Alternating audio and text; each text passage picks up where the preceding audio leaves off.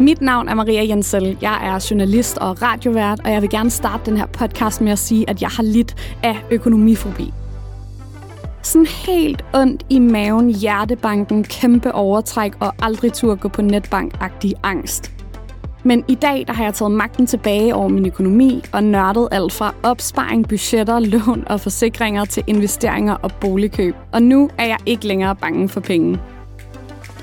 Det kan være mega svært at tale om sin økonomi, men hvis vi nu deler ud af vores erfaringer, også de helt dumme af slagsen, så tror jeg altså, at vi kan lære noget af hinanden. Velkommen til podcasten Dumme Penge, der er lavet af Finanstilsynets kanal på Røven, til unge for at hjælpe dig med at holde styr på din økonomi.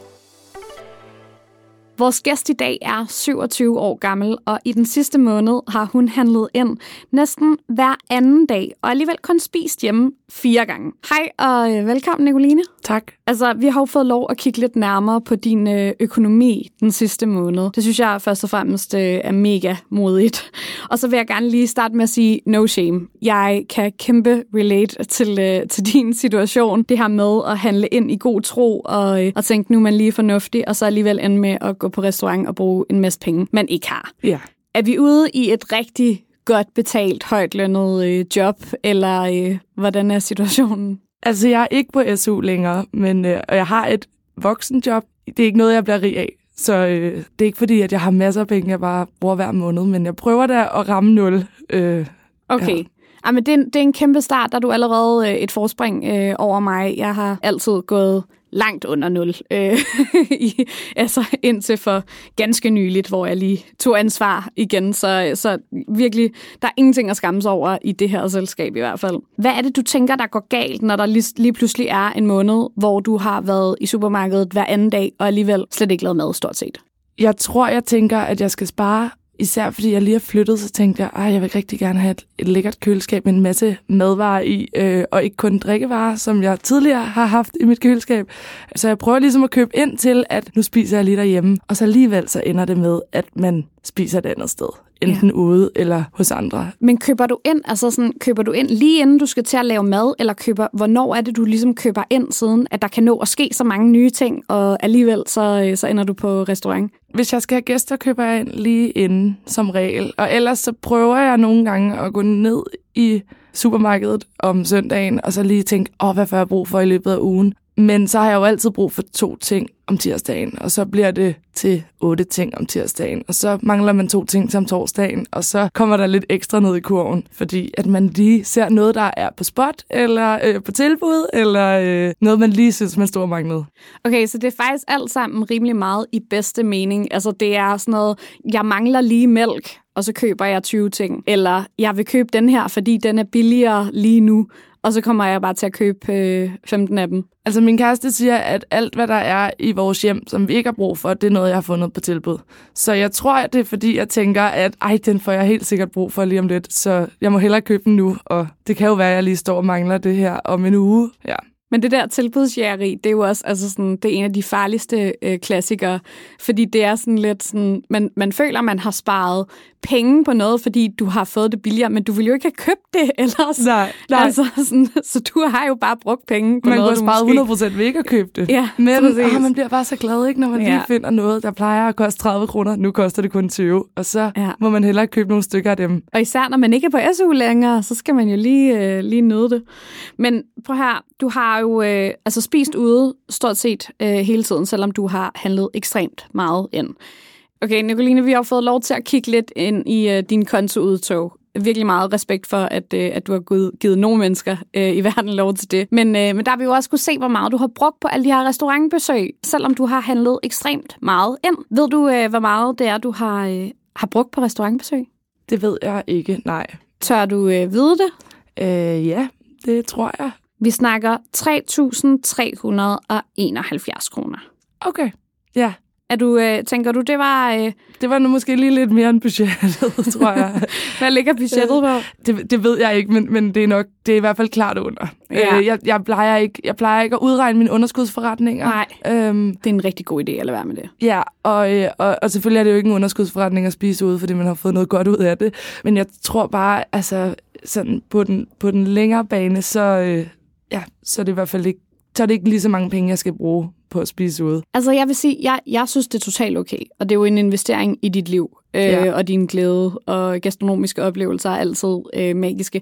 Jeg tror, mere problemet ligger jo i alt det, du handler ind, som du ikke får brugt. Fordi det er jo totalt fair at gå på restaurant en gang imellem, hvis man har pengene. Men det er jo mere det her med at handle så meget ind til alt muligt mad, du bare ikke laver. Ja, men det har du helt ret i. Øh, og øh, ja, Kunne løsning ikke være at for eksempel sige, at jeg handler ind en gang om ugen til hele ugen, eller sådan, sådan så de der impulskøb, hvor du går ned og spotpriser den helt sygt, ikke sker i lige så højt omfang. jo, men jeg tror bare også, jeg kan godt lide at købe ind. Jeg kan godt lide at Nå, være i supermarkedet. Jeg synes faktisk, det er ret hyggeligt. Ja, Ej, den er svær. ja den er svær. Det kan jeg godt se. Og- Det der med lige at bladre netto-kataloget igennem, ikke? det synes jeg bare er super fedt. Men kan du så ikke gøre det til den store hyggetur hver søndag? Det er her, du rigtig hygger i supermarkedet Jamen, en så skal gang om man jo ugen. slæbe så meget hjem, og når man ikke har nogen bil, og åh nej, jeg, jeg vil hellere bare lige købe lidt på cykel hver gang. Så bliver du altså også nødt til at lave det her med. Ja, Det, med, Ja. du, kan ikke, du, kan ikke gøre, du kan ikke gøre begge dele. nej. Bare handle ind og medspil og, og, og pengespil og alt muligt på en gang. Nicoline, vi bliver også nødt til lige at snakke om noget andet. Ja, Øh, noget lidt mere alvorligt, fordi du har brugt nogle rigtig, rigtig dumme penge. Øhm, og det har vi, øh, det har vi jo alle sammen. Og jeg er rigtig glad for, at det ikke er mig, der sidder øh, i din stol nu, fordi for mit vedkommende er det en uudtømmelig brønd af historier om dumme penge. Så jeg er i det her sammen med dig. Men øh, din historie, den handler om lidt af en øh, tour de taxa, kan Ja. man sige. Vil du ikke øh, prøve at fortælle, hvad er det, hvad den her historie går ud på? Jo, øh, jeg gik i 2G og var i byen en torsdag på minibar. Og øh, da det ligesom var tid til, at vi skulle hjem, min ven Mads og jeg, øh, så øh, besluttede vi os for at tage en taxa fra øh, midt på Goddersgade og op til Nørreport station, fordi vi ville være øh, ansvarlige og tage natbussen hjem, fordi så ville vi jo spare nogle penge. Yes. Så købte vi lige noget natmad, og så ventede vi ellers på natbussen, som plejede at gå til Nærum station, tror jeg. Og da den så kom, så var det sådan en special natbus, der så gik til Helsingør station den her nat. Og vi går ind i bussen, og vi tager hver vores dobbeltsæde og falder i søvn straks bussen ligesom Yes, som man jo gør. Som man jo gør. Og det næste, jeg husker, er, at jeg går ud af bussen, og der vågner jeg ligesom. Og så kigger jeg op på busstopstedet, og så står der Esbjerg Havn. Og så tænker jeg, okay, what the fuck, hvor er jeg henne? og så ringer jeg til min ven Mads, og han siger, øhm, Jamen, jeg er i Niveau. Jeg er sådan, hvorfor helvede har du ikke vækket mig i den natbus? Ej, men det ved jeg ikke. Og den sjove historie gik på, at han ikke orkede at vække mig, men det tror jeg godt, han gjorde. Jeg tror bare, han havde lavet den samme som mig. Gå ud af bussen, og så vågne, da han ligesom står på et stop før mig øh, i, øh, i Esbjerg, hvor jeg også står, og han står i Niveau. Og jeg siger, "Men hvordan har du tænkt, at vi skal komme hjem? Det ved jeg ikke. Og han står midt i en skov, og han synes bare, det hele er lidt uhyggeligt, og jeg tror, han begynder at græde. Og jeg siger, øh, jeg ringer lige øh, efter en taxa. Ej, men det havde han slet ikke overvejet. og så, øh, så ringer jeg efter en taxa, og det var sådan den ja, sådan første torsdag i oktober, ja. og det var bare sindssygt koldt, og øh, jeg stod bare på sådan en helt øde gade og frøs virkelig, virkelig meget. Og så ringer jeg til det her taxaselskab, og de siger, ja, men I, men oh, vi prøver lige at se, om vi kan sende en taxa. Og øh, så, så sker der ikke noget. Jeg ringer igen, og jeg er sådan, øh, den der taxa, hvis ikke I snart sender den, så dør jeg af kulde. Og de siger, at vi har faktisk fundet ud af, at vi synes, du er lidt for langt væk til, at vi kan sende Nej. en vogn. Jo. Ej, det er så for dårligt sådan noget. Ja, og jeg ringede også med hemmeligt nummer, så de kunne ikke ringe tilbage ja. til mig, men det var, bare, det var bare stadig ikke helt i orden. Men jeg skulle prøve at ringe til Helsingør Taxaselskab, Yes. hvilket jeg tænkte, det var lige, øh, så var jeg meget langt væk, ikke? Ja. Så ringer jeg, og i det, jeg har fået fat på en taxa, så går min telefon ud.